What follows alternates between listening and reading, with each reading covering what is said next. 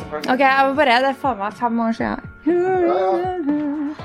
Den største bløffen i den politiske debatten i Norge er jo at det viktigste for retninga på landet er om statsministeren heter Støre eller Solberg. Mitt forslag har vært tolv år, men man må faktisk vise at man gjør noe. Wow! Bam! Her er Stavrum og Eikeland, en podkast fra Nettavisen. Ingrid Liland, du er nestleder i MDG. Og så er du også norgesmester i karaoke. Ja. Og så har du starta en demokratidebatt. Og da er det naturlig å spørre deg, hva er demokrati? Demokrati det handler om at folk i et samfunn eh, får være med på de beslutningene som angår det stedet de bor og det stedet de lever. Og det kan være i bygda eller byen eller nabolaget eller landet. Og etter hvert også så vet du at hele verden angår oss ganske mye, så Men gjør vi ikke det? Vi stemmer jo kommunevalg og til stortingsvalg. Får vi ikke si hva vi mener? Åh, vet du hva? Jeg må bare si det med en gang. Selvfølgelig så har vi verdens beste demokrati i Norge, og det, det sier jo mange. Vi har høy tillit, og vi har veldig høy deltakelse. Eh, og så tror jeg at det noen gang gjør at vi har litt demokratisk latskap i det politiske miljøet i Norge. Vi tror liksom at fordi vi har verdens beste demokrati, så er ting sånn som det burde være for alltid. Og der tror jeg at vi hele tida må prøve å finne ut hva er neste steg for å få involvert folk mer, for å gi folk mer makt, mer frihet, mer ansvar. Vi, I Norge har vi jo et, vi bygger på det et etablert maktfordelingsprinsipp. Folket velger Stortinget, regjeringen utgår av Stortinget, vi har et uh, upolitisk byråkrati. Og så opplever vi at når en person som Anniken Huitfeldt får sparken som utenriksminister, så blir hun utnevnt en, til en toppstilling i byråkratiet. Altså hun blir ambassadør i USA. Er det demokrati i, i din lærebok? Ja, jeg tror at det der er en veldig interessant prinsipiell diskusjon. Nå skal ikke jeg gå inn i akkurat Huitfeldt-saken, eh, denne delen av Huitfeldt-saken. Eh, men jeg tror jo også veldig mange så jo f.eks. når, eh, når de her habilitetsskandalene dukka opp, hvor problematisk det var f.eks. å ha en økokrimdirektør som måtte melde seg inhabil. Så klart vi har små forhold i Norge, få stillinger å fordele på, eller mange stillinger å fordele på få folk. Eh, og det gjør kanskje at vi burde ha en mye mer prinsipiell og åpen diskusjon om hvordan vi fordeler de stillingene eh, på flest mulig hender. Men dere pleier å være ganske tydelige. altså Ikke sånn at vi bare bør ha en diskusjon, men vi bør kanskje ha en mening også om det. Og for å stille et mer hardt spørsmål. Vi ser den ene politiske skandalen etter den andre. Vi har liksom stortingsboliger, vi har reiseregninger, vi har aksjehandler. Og i veldig liten grad får de harde konsekvenser. og Det gjør at mange velgere på en måte mister tillit til det politiske systemet gjennom at de mister tilliten til enkeltpolitikere. Er ikke det et ganske farlig varselsignal? Jo, jeg, jeg syns det, og, og, jeg, og, jeg, mener jo at det her var ei utvikling som vi kunne se før årets, eh, fjorårets habilitetsskandaler også. Eh, vi ser så vidt at tilliten i Norge er på vei ned, sjøl om den fortsatt er selvfølgelig best i verden. Eh, og jeg tror at den største feilen vi som politikere kan gjøre nå, det er å se på alle de her enkeltsakene og tenke at det her er enkeltpolitikere som har dumma seg ut. Og det folk sitter og venter på nå, er bare at vi fornyer politisk håndbok, og så blir alle fornøyd. Da har vi et ryddig demokrati. Fordi når jeg har reist rundt og snakka med folk, så sitter jo folk og observerer egentlig det som ser ut som en ukultur. Der folk som har sittet lenge i den politiske bobla, eh, har en det ser ut som de har en annen oppfatning av hva som er rett og galt, enn det folk utenfor Stortinget har. Så dette tror jeg ikke handler om enkeltpersoner, jeg tror det handler om kultur. Og da trenger du mer utskiftning og luft for å få endra den kulturen, tror jeg. Men altså, dere styrte jo i Oslo i åtte år. Mm. Uh, dere hadde litt over 10 uh, uh, blant velgerne i Oslo. og dere står bak da eh, vannforsyningsskandalen. Okay? Det var jo byrådet for MDG som sto bak. Det er kanskje jeg vet ikke hva det ender opp på, men kanskje 20 milliarder i overskridelse. Eh, det var Fornebubanen. Um, og nå var det noen av de siste var de elbussene som ble skapa 1 milliard bare rett ut av vinduet. Men er ikke dere et sånt fint eksempel på veldig, ikke så veldig stor oppslutning, men altfor mye makt, og så går det rett att skogen? Ja, det er jo stadig tredje største parti i Oslo, da, så ikke så veldig stor oppslutning. Det stemmer jo ikke helt. Ehm, jeg tror at eh, det der Du kan se det på den måten der, men det går an å snu på det. Eh, og fordi at En av grunnene til at jeg tror at mange mister tilliten til demokrati og politikere i dag, eh, det er at alle partier går til valg på et 150 siders langt program der absolutt alle gode saker står. Eh, og så kan politikerne i de ulike partiene trekke fram det standpunktet som passer i ulike debatter. Og så har folk flest ganske liten innflytelse på hva som prioriteres når politikerne er valgt inn på Stortinget. Eh, og folk har ganske lite innflytelse før det òg. Det er 0,02 tror jeg, av Norges befolkning som er medlem av et parti. Det er ganske få mennesker som får påvirka politikken som man går til valg på og få mennesker som får påvirka hvem det er som stiller til valg. Og det mener jeg har vært virkelig MDGs eh, demok demokratiske prosjekt. har vært at Det har ikke vært noe tvil om hva vi går til valg på, hva slags politikk vi kommer til å prioritere. Når jeg meldte meg inn, så hadde vi slagordet 'Vi lover ikke gull, men grønne skoger'. Eh, det at det er noe prøving og feiling når du prøver å gjøre noe helt nytt i et samfunn som å levere Eh, klimavennlige transportløsninger. Det får nå så være. Men det, ingen, det, har aldri vært noen som kan påstå at vi har ført velgere bak lyset. Men, men nå er det mange mindre partier på Stortinget. Eh, og de to store styringspartiene har jo, i hvert fall det ene har jo blitt veldig veldig redusert. Det andre er jo ja, så som så. som andre veldig mange av disse små kan få veldig mye makt i visse stortingsperioder. Er ikke det, er ikke det, er det riktig? For alle de andre som stemmer på, alt, eh, på de styringspartiene, for, å si det sånn? Ja, styringsparti og styringsparti. Eh, nå vil jeg jo si altså den største bløffen i den politiske debatten i Norge er jo at det viktigste for retninga på landet er om statsministeren heter Støre eller Solberg. Eh, og jeg tror grunnen til at veldig mange flere partier dukker opp, eh, vi i, eh, i sin tid og flere partier nå, dukke opp og gjør seg betydelig større, er for at flere og flere folk ikke føler seg ivaretatt, og sine interesser ivaretatt, av de to store partiene. Og det er jo først og fremst fordi de er veldig like. De har ekstremt lik politikk på veldig mange områder. Eh, det er ikke sånn at fordi vi bytter statsminister i Norge, så får vi f.eks. en helt ny skattepolitikk, eller i hvert fall ikke en helt ny miljøpolitikk eller oljepolitikk. Og det tror jeg er Vi skal vite at eh, det at Høyre eller Arbeiderpartiet klarer å kjøpe støtta fra småpartier med noen sånne små symbolseiere, eh, som har vært fasiten til nå, det betyr ikke nødvendigvis at de små har makt, det betyr at stø kurs i all hovedsak ligger fast.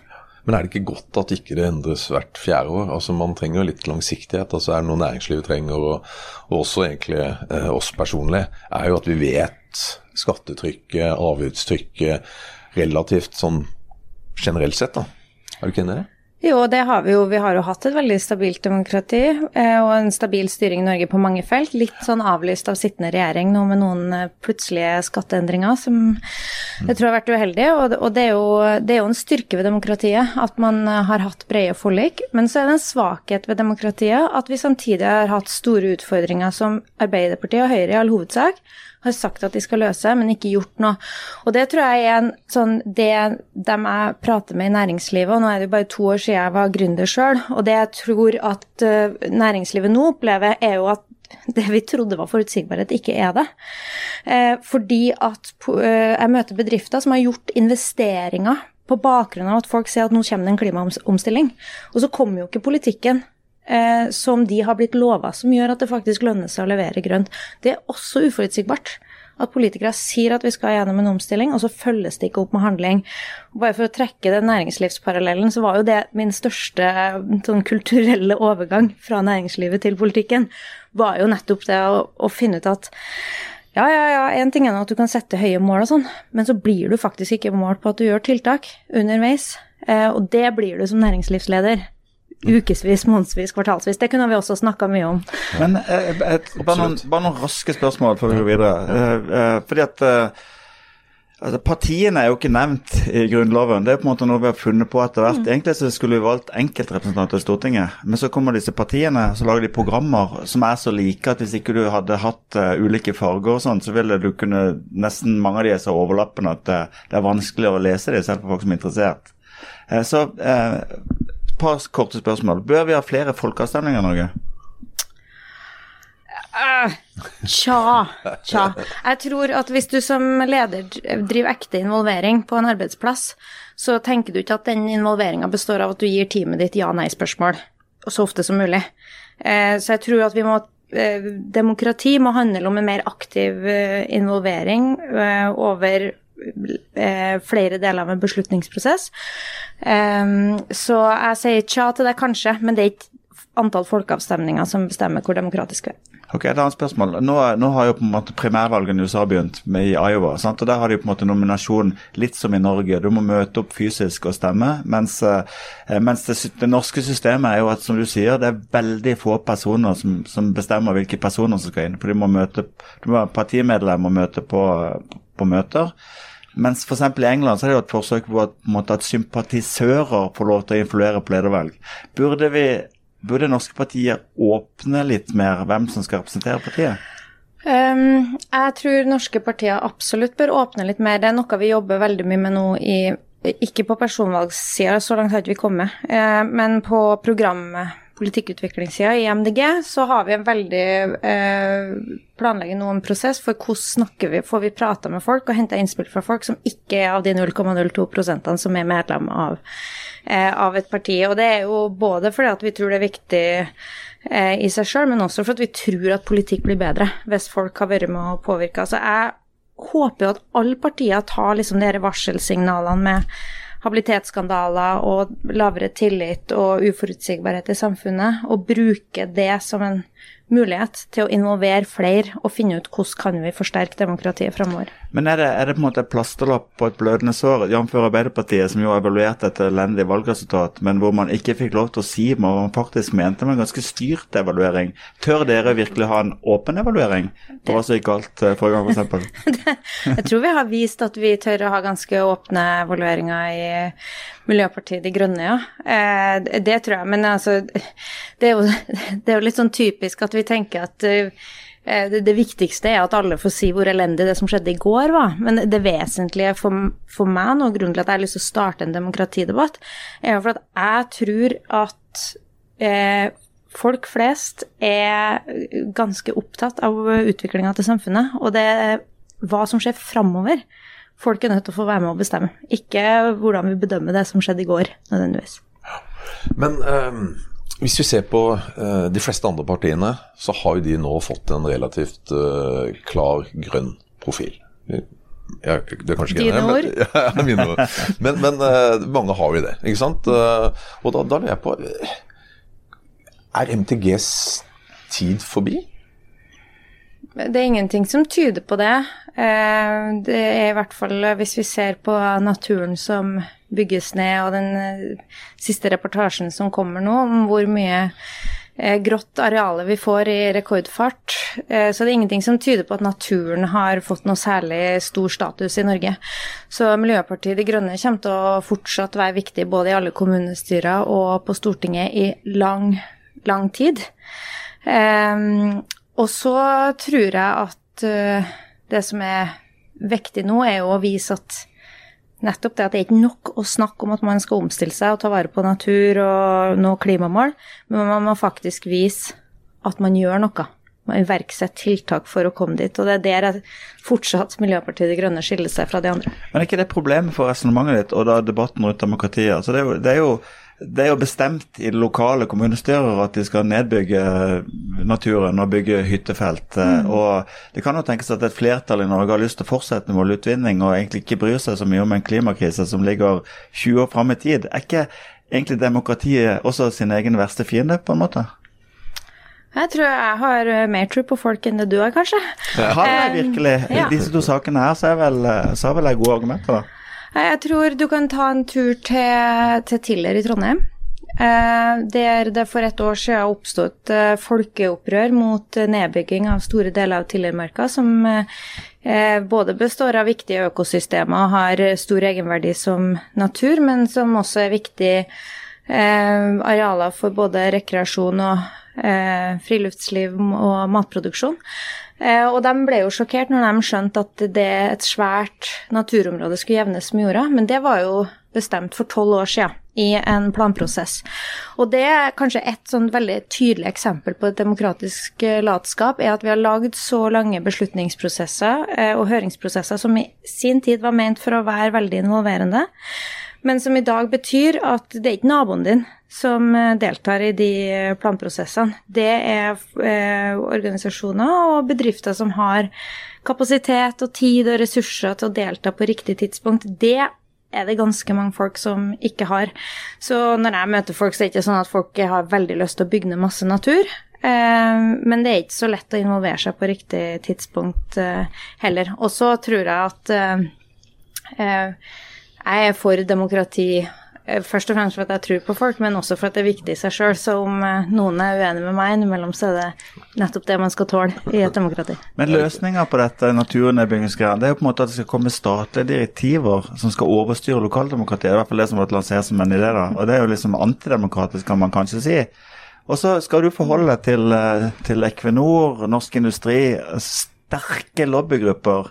Eh, som jo vet hvordan de skal påvirke beslutninger, kanskje i, i trussel for demokratiet. Ja, og det er til slutt i de sterke lobbygruppene, tror jeg du eh, tror jeg egentlig du svarer på ditt eget spørsmål. Eh, fordi at hvis vi har prosesser som gjør at det er de sterke lobbygruppene som får vært med på å påvirke, og ikke folk flest, Eh, så, det, så, er det på en måte ikke nødvendigvis mer demokratisk at det er et kommunestyre som blir påvirka av de lobbygruppene, enn at det er Stortinget eller hvem som helst ellers. Så eh, jeg tror i arbeidet med å forsterke demokratiet, så må man jo finne ut hvordan gir du mindre makt til de lobbygruppene, og mer makt til folk som faktisk bor der de bor. Og det er ikke alltid sånn at de næringsinteressene som eh, jobber gjennom utbyggingssaker, f.eks., Eh, er demokratisk forankra, selv om et kommunestyre er avhengig av de inntektene. Men Hva svarer du på ditt eget spørsmål? Hvordan sikrer du det? Mer makt til, eh, til befolkningen på bekostning av lobbyistene? Jeg tror at det er mange grep som må, som må vurderes. Og, et, eh, og, en av det er at jeg, jeg tror vi skal diskutere om vi f.eks. skal ha et type borgerråd i Norge, et organ. Hva er det? Eh, det det handler om, er at det er ikke bare dem som har lyst til å bli politiker når de blir store, eh, som skal få være med og ta de vesentlige beslutningene, men at du også har folk som eh, er trukket ut ved litt sånn tilfeldig, men et representativt utvalg av folk. Som også kan være med og påvirke beslutningene. Og jeg tror jo at det har jo vært veldig vanlig f.eks. i domstolen. At man har en jury som består av helt vanlige folk. Eh, og jeg tror at eh, politiske beslutninger er også vanlige folk veldig godt rusta for å ta stilling til. Så det er ett sånt grep. I tillegg så har jo jeg tidligere løfta om vi bør ha eh, makstid på Stortinget. Er det sunt for demokratiet at folk kan sitte og ha gjenvalg i ti perioder? Um, og det er sånn ut ifra skandalene det siste året, så er det ikke nødvendigvis sånn at jo lenger du sitter, jo bedre forstår du reglene heller. Eh, så det er et eh, alternativ, og i tillegg til selvfølgelig mer involverende prosesser, åpenhet rundt hvilke lobbyinteresser det er som får lov til å komme og besøke politikerne på, på Stortinget osv. Videre. så tror jeg det vesentligste på nåværende tidspunkt er at vi skal i gang med en diskusjon med folk i hele landet om hvordan vi får til et sterkere demokrati. Eh, så, så, jeg skal ikke påstå at jeg har alle svarene. Du må svare konkret på det. Hvor, hvor, lenge skal du få lov til å sitte på Stortinget? Mitt forslag har vært tolv år. Tre perioder, sa du ut? Ja. Kan du komme tilbake igjen da, hvis det er veldig Litt som Trump, attraktivt. du kan komme tilbake igjen. Og Putin. Ja, tolv år. Altså, tolv år er jo ikke Det er jo ikke veldig lite. Um, så, uh, og jeg tenker at uh, um, det er viktig at Eh, folk som sitter på Stortinget og sitter i viktige posisjoner, kan diskutere makstid på andre, andre steder enn Stortinget også.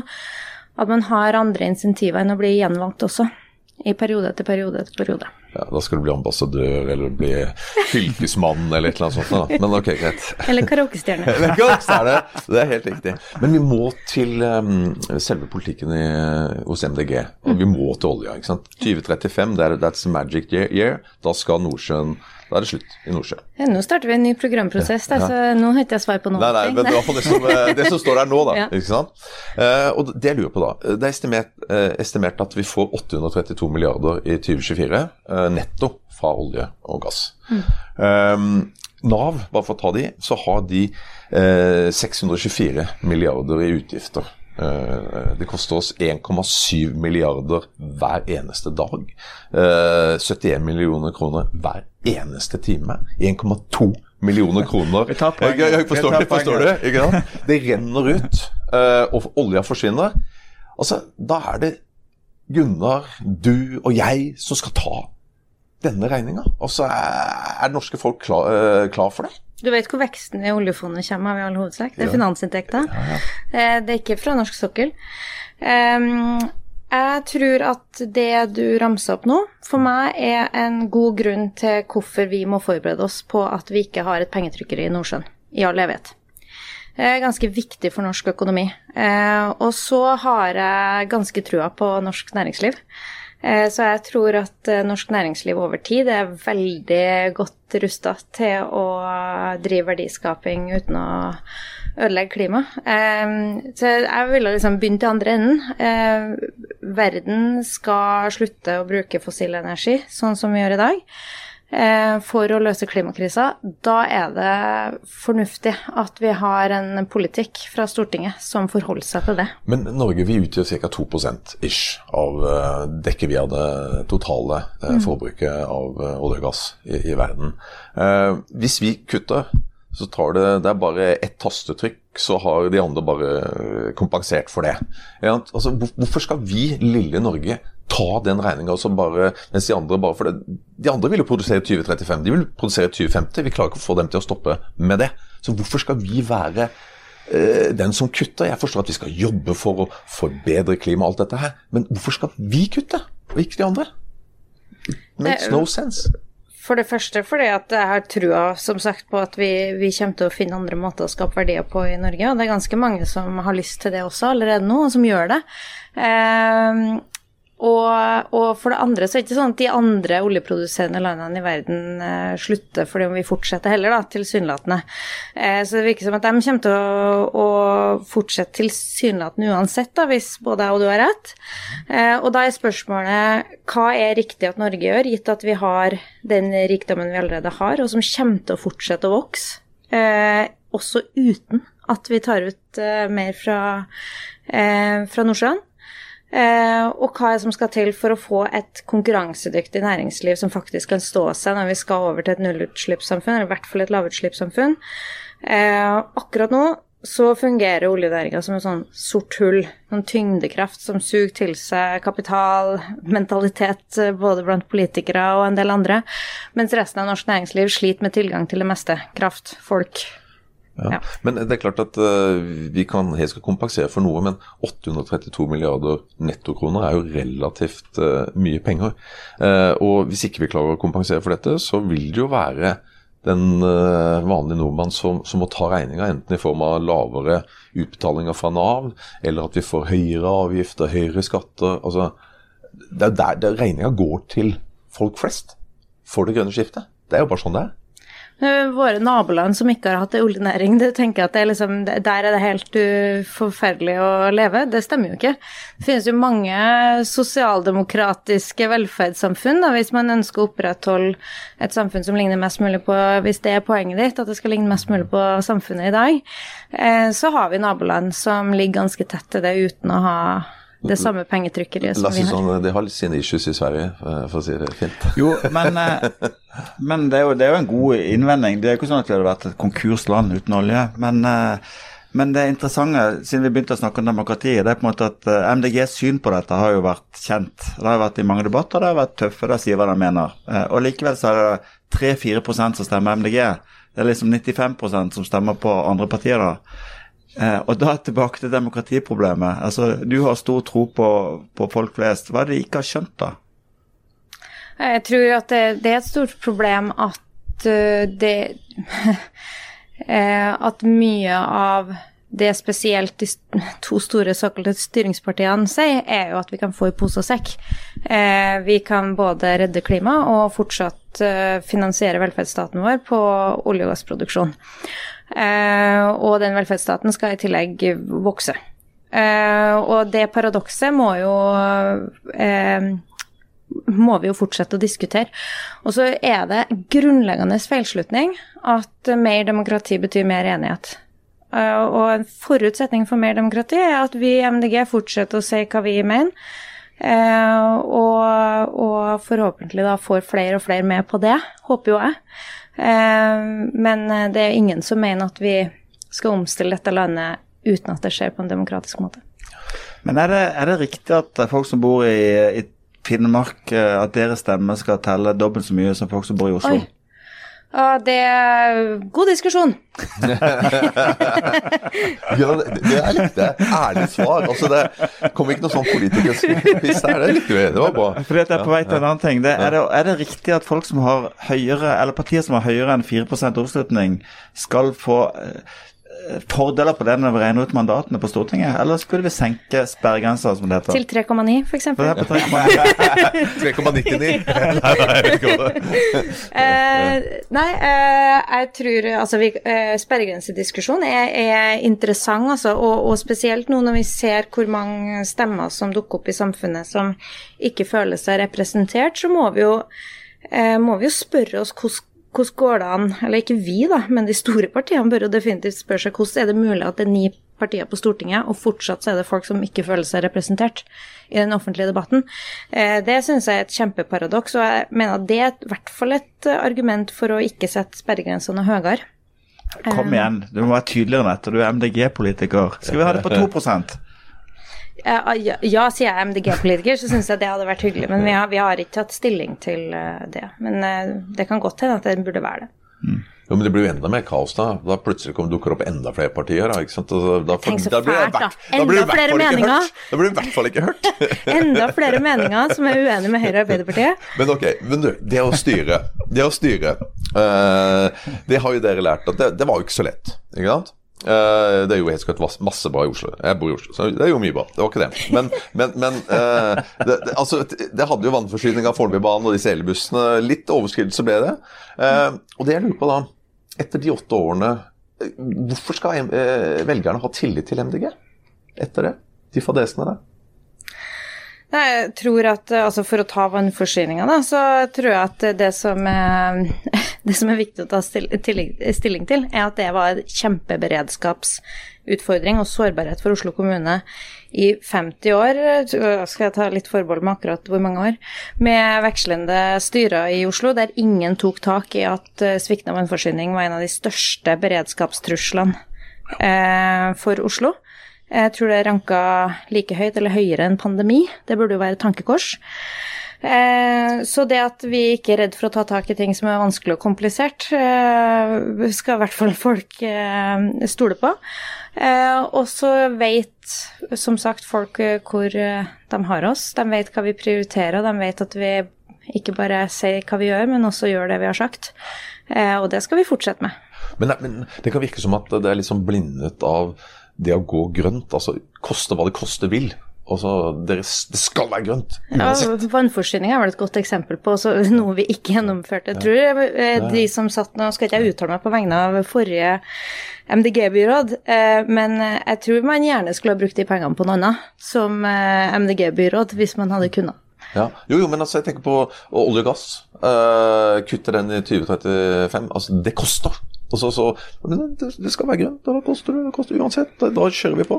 Det kan virke litt sånn at det er sånn jeg tenker. Nei, men eh, det er vel mer eh, Det er vel mer sånn motsatt side, tenker jeg, at så lenge noe koster, så kan vi ikke gjøre det. Eh, og, og, vi har jo også på Stortinget alltid invitert til en diskusjon om nettopp kostnader og tiltak, men den diskusjonen kommer vi jo aldri til. Fordi at de andre partiene er jo ikke interessert i å diskutere tiltak. Vi har alltid vært åpne for å diskutere eh, hvordan kan vi få en trygg slutt på oljealderen, både for norsk økonomi, klima og dem som jobber i olja. Den diskusjonen skulle vi gjerne hatt og diskutert alle nyanser og kostnader og sånn, men den diskusjonen har jo ikke noen andre partier ville ha eh, tatt, fordi at i og med at vi tjener så mye på olja, så må vi bare fortsette. Um, så De er i, lom, i, i lomma på oljelobbyisten, ikke sant? Ja, det var dine ord. Men, eh, ja. Eh, men det er jo ikke rart at folk har mistillit til, til det politiske systemet. Så la oss ta folk som da er faktisk klimabevisste og oppfatter det som den største trusselen mot, eh, mot eh, jorda og, og, og, livet vårt. Og så har vi jo eh, hørt gjennom 20-30 år at, eh, at etter hvert så har jo alle partiene tatt inn over seg det, i hvert fall i partiprogrammene. Og så reduserer vi jo knapt klimagassutslippene både i Norge og ikke særlig i Oslo heller. Så hvorfor, hvorfor forventer man å få respekt da? Nei, jeg tror det der er tusenkronersspørsmålet. Uh, og jeg tror at uh, det er jo noe som vi har lært av Oslo-prosjektet òg, er, er, jo liksom Det her er en stor omstilling. Uh, og det krever enormt mye fra veldig store deler av samfunnet. Um, det betyr ikke at det er umulig, men det betyr at vi hele tida er nødt til å faktisk gjøre ting. Mål, lære, gjør mer, mål, lær. Og det er jo det vi har på en måte starta på i Oslo, og som jeg håper at de ikke slutter med i et nytt byråd. Eh, men som vi er langt unna eh, på Stortinget og i regjeringa. For der, når de lanserer klimabudsjett, så er jo ikke det et klimabudsjett så der det går an å faktisk måle hva som skjer, og sammenligne resultater. Det blir mer en sånn ønskeliste. Det står jo ikke ordentlig hvem som har ansvar for det, heller de ulike delene av Grønn bok, da, som, som regjeringa har skrytt så mye av. Eh, så det, det er jo bare én måte å få gjort endring på. Det her vet enhver næringslivsleder. Du gjennomfører tiltak, du måler det, og så justerer du tiltaket. Akkurat. og det, Hvis jeg hadde kommet til mitt styre og sagt at om i 2035 skal Nettavisen ha milliardomsetning og tjene 400 millioner kroner, så hadde de ledd seg i hjel. De hadde spurt på hva skal du gjøre til neste år. Nettopp. Og Det er vel kanskje det som er noe av problemet, at vi, har, vi bare lager oss nye mål hele tiden. og vi er ikke i nærheten av å innfri de målene vi for lengst har sagt vi skal nå. Nettopp. Det var det siste som kom fra Miljødirektoratet nå, eh, var jo eh, en skulle være Vi trodde, vi håpa at det skulle være en vurdering om hvordan vi når 2030-måla, men i stedet for så blir det jo La oss utsette måla til 2035. Og det er klart at eh, ja, i en bedrift så hadde du ikke fått tillit veldig lenge Nei. på den måten. Du fortjener jo ikke tillit på den måten. Nei.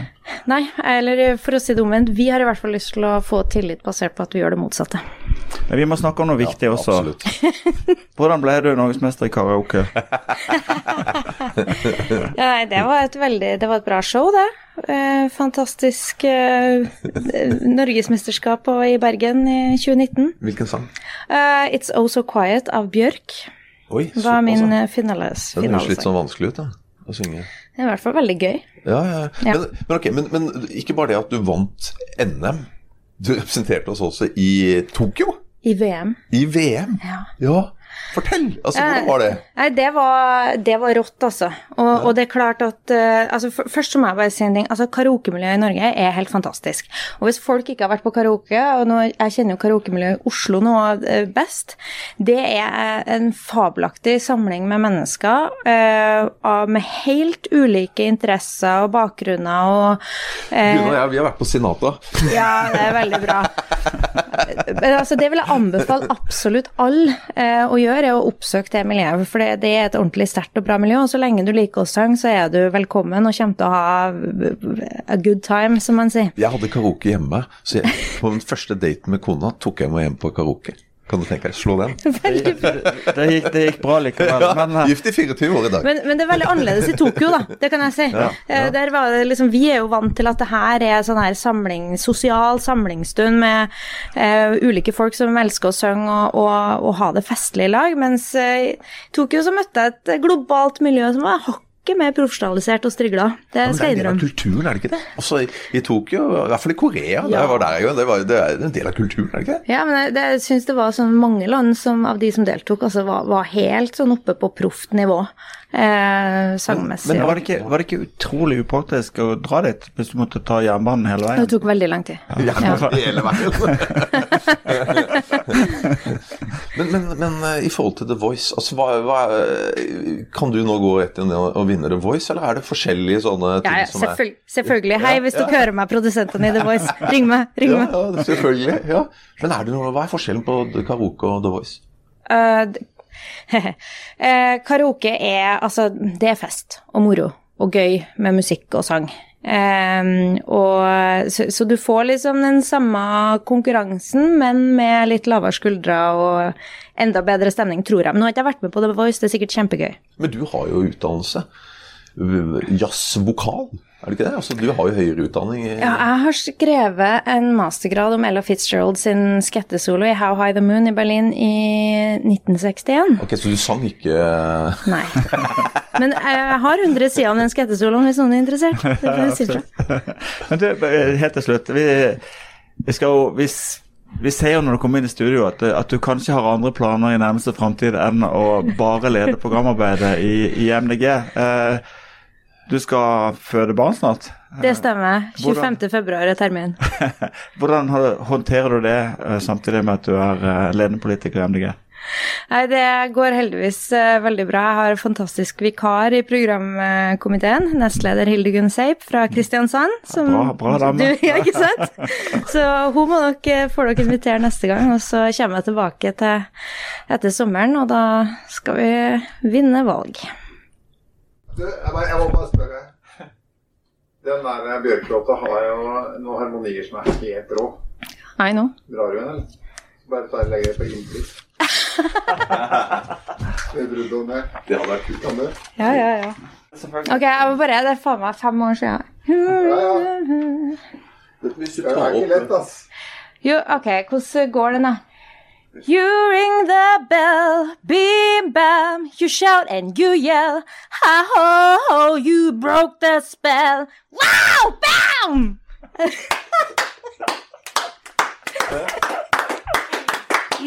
Du fikk Stavrum og Eikeland, en podkast fra Nettavisen.